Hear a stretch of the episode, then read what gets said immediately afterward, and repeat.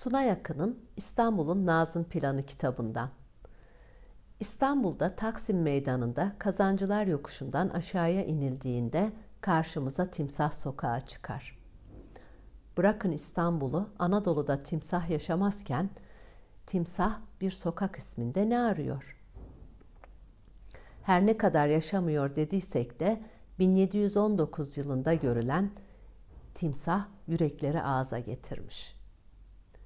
1719 yılının sonbaharında dönemin padişahı 3. Ahmet oğulları Süleyman, Mehmet, Mustafa ve Bayezid'i 5000 çocukla birlikte sünnet ettiriyormuş.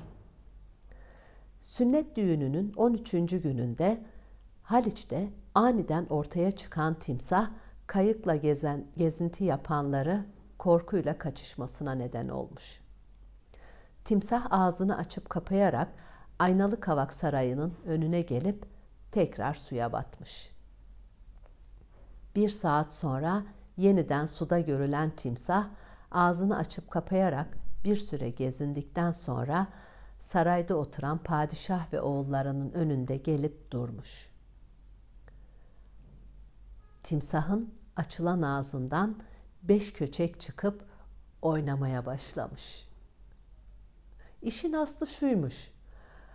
16. yüzyılda yaşayan ünlü ressam ve mimar Leonardo da Vinci timsah şeklinde bir denizaltının çizimlerini yapar.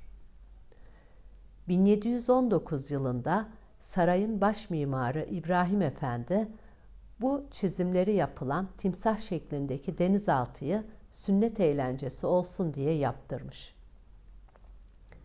İşte timsah şeklinde yapılan ilk denizaltı İstanbul'da Haliç'te yüzdürülmüş.